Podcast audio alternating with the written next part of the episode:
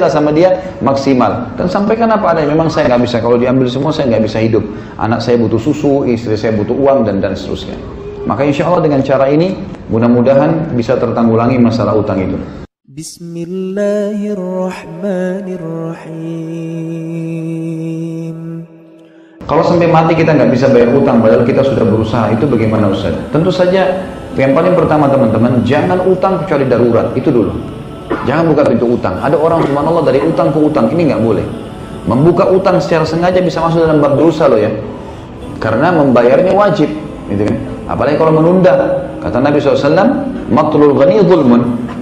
Eh, penundaan terhadap pembayaran bagi orang yang mampu adalah zulm, kezaliman, dosa besar nggak boleh jadi ulama masukkan kalau utang tanpa sebab dia mampu maka ini kezaliman nggak boleh kenapa dia buka masalah hidupnya di situ kalau dia mati kan jadi masalah gitu kan? Sampai orang mati syahid aja diampuni semua kecuali utangnya. Nggak boleh.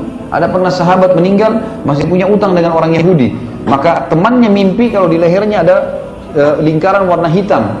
Lalu waktu ditanya kenapa tuh? Dia bilang ini utang saya sama orang Yahudi yang belum saya bayar.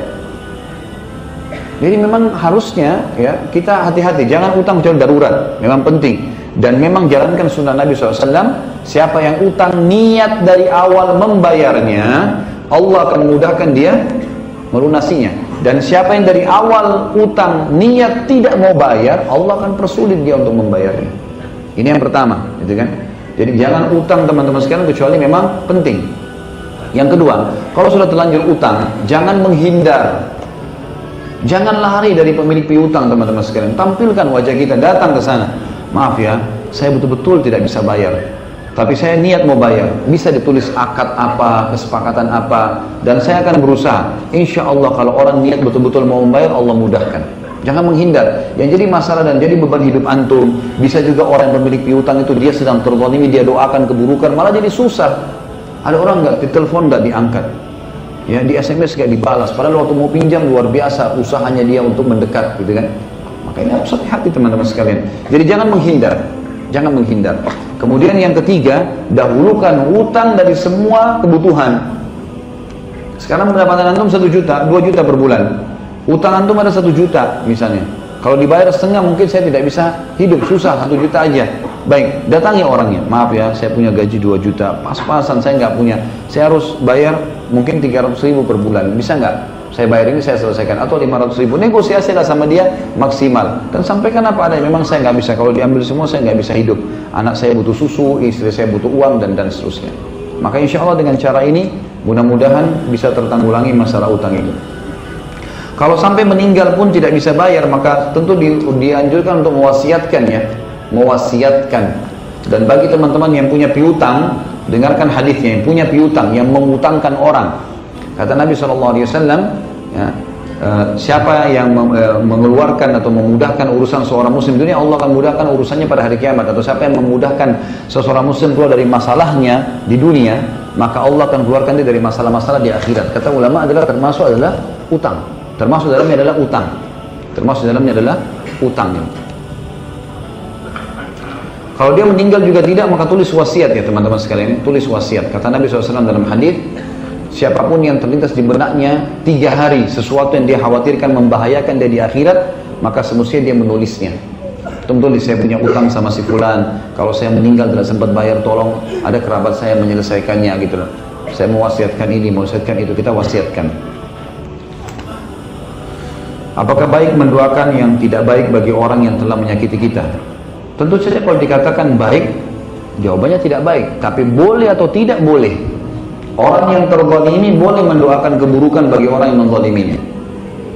Makanya kata Nabi SAW, dan kepada Muadz bin Jabal waktu ke Yaman, kau akan dakwahi ahli kitab dan dan seterusnya diperintahkan untuk mendakwahi rukun Islam dan rukun iman. Lalu kata Nabi SAW, hati-hati hai Muad dari harta mereka. Jangan sampai kau sentuh hartanya yang bukan hakmu dan hati-hati dari doa orang yang terzalimi walaupun mereka kafir mereka ahli kita tidak ada hijab antara mereka sama Allah. Sampai ulama mengatakan satu-satunya dua orang kafir diterima cuma karena pada saat mereka terzalimi.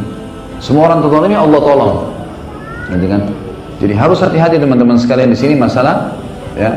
Kalau orang menzalimi orang lain. Tapi kalau kita terzalimi lalu kita doakan dia. Misal kita doakan supaya Allah hukum Itu hak kita, boleh saja. Tapi kalau antum mau lebih baik, tadi tanya baik atau tidak? Baik adalah antum doakan supaya dapat hidayah. Bisa ada orang utang sama kita nggak bayar, kita katakan ya Allah, mana lebih baik nih teman-teman? Kalau kita bilang gini, ya Allah putuskan kakinya, ya Allah berhentikan detak jantungnya, nah, apalah, ya. jangan diamalin ini ya. Ini saya kasih contoh saja.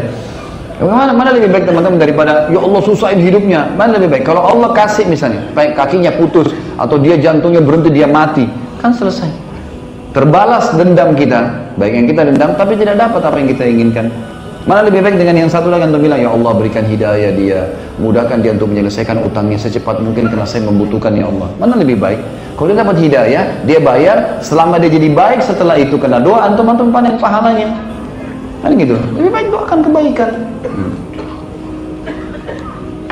Saya dan suami telah berkeluarga selama lima tahun. Selama lima tahun pula saya dan mertua tinggal serumah. Banyak hal yang terjadi antara saya suami dan mertua, seperti cekcok, perselisihan. Apa yang harus kami lakukan agar perselisihan yang terjadi tidak menjadi bumerang bagi kami, tidak menjadi dosa bagi kami, karena selama ini mertua memang ikut tinggal bersama kami. Tentu saja kalau bisa pisah rumah lebih baik ya, kalau bisa pisah rumah. Kalau nggak bisa ya sabar, Sabar, ada orang dicoba di macam-macam. Ini lagi dicoba sama mertua. Jadi kita kalau menikah sama seseorang, maka kita tidak bisa putuskan jalur nasabnya dia. Mertua kita itu tetap orang tua pasangan kita sampai abadi. Itu. Sampai kata Nabi SAW, kalian akan dipanggil dengan nama-nama kalian dan nama-nama ayah kalian pada hari kiamat. Gitu kan? Gak terputus itu. Tadi dikatakan orang kalau masuk surga, kalau dia soleh, dia sabar, dia, orang tuanya dan kerabatnya juga akan ikut. Gitu kan? Jadi nggak terputus semua itu. Maka kita harusnya bisa bersabar. Kalau ada sesuatu, sesuatu yang kita harus sampaikan, nasihati, terus adanya. Tetap ngotot ya sudah, sabarin aja. Saran saya kalau keadaannya betul-betul sudah sangat terdesak, artinya mertua ini selalu mencampuri segala, antum batasi interaksi. Pada saat perlu. Ketemu, Assalamualaikum, salam, atau beli makanan atau apa. Dia ngomong apa-apa, dengarin, habis itu tinggalkan. Gitu. Seperti itulah, kurang lebih. Ini insya Allah akan akan lebih membantu. Sabar coba. Dan kadang-kadang subhanallah orang itu kalau emosional gitu kan, ada seorang ikhwah begitu, mertuanya selalu setiap datang cerewet, selalu marah-marah, selalu segala.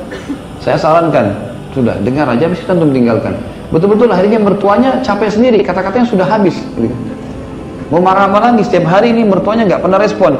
Karena orang kalau marah, responnya dia antum marah. Maka terjadilah unsur di sini. Sama-sama aja dua-duanya jelek tadi saya bilang kan. Tapi kalau orang marah kita diam, kita dengarin aja. Orang dari jauh sudah lihat, oh ini ini yang baik nih, ini yang buruk. Dalam keadaan terdesak, misal akan datang penagih utang besok, sedangkan hari ini masih tidak memiliki uang. Sudah ikhtiar sekian lama dan cukup kerja keras, sudah berdoa, namun pertolongan belum datang juga. Bagaimana cara bersabarnya? Temuin, sampaikan apa adanya. Kejujuran modal keberhasilan seorang muslim.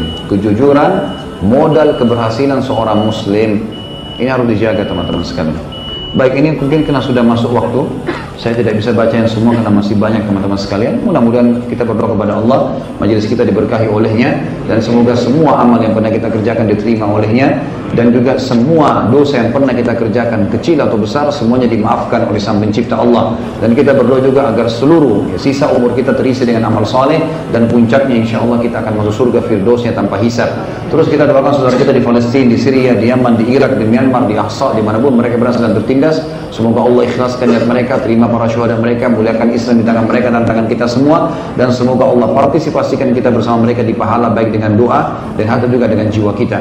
Dan semoga Allah dengan kemahamurahnya juga menyatukan kita semua di surga firdausnya tanpa hisab mana ia satukan kita di majlis ilmu yang mulia ini sebelum kapal majlis saya mengajak teman-teman mendatangi web resmi di www.khalidbasrama.com dan saya harap teman-teman tidak mengunjungi ceramah-ceramah yang memang mengadu domba atau menyebar fitnah karena memang harapan mereka adalah antum mengelik di YouTube itu ada view di situ sedikit satu kali diklik dan tidak dinonton pun sudah cukup diberikan uang oleh YouTube itu sendiri. Maka ini tujuan mereka untuk mencari sensasi, kemudian mencari juga uang dan tidak ada manfaatnya buat kita secara ilmu dan iman. Akhirnya jadi merusak hati kita. Kemudian juga saya mengajak teman-teman sekalian untuk uh, partisipasi di Islamic Center yang sedang kami buat dan itu tentunya juga ada rekening khusus dan itu akan dibangun masjid serta tempat pelatihan dai yang insya Allah target kita dua tahun sekolah gratis teman-teman tamatan SMA dan juga yang sudah selesai kuliah mungkin Itu kalau sudah jadi tentunya. Sekarang lagi sementara pembebasan tanah dan bangunan, ada masjid, ada kelas pelatihan dai 2 tahun. 2 tahun insya Allah targetnya hafal 30 juz Al-Quran dan 1000 buah hadis. Dan ke depannya insya Allah kita berharap menjadi STAI, Sekolah Tinggi Agama Islam, strata S1 dan insya Allah mudah-mudahan Allah berkahi dengan masalah itu. Dan sekarang tahap untuk mengumpulkan amal jariah. Bagi yang berminat nanti insya Allah bisa kalau ada nomor saya, kalau tidak punya bisa ambil dari teman-teman panitia masjid. Di nomor Excel saya itu di, di status profilnya saya tulis uh, nomor rekeningnya dan juga nama. Dan itu memang nomor rekening menggunakan nama saya pribadi.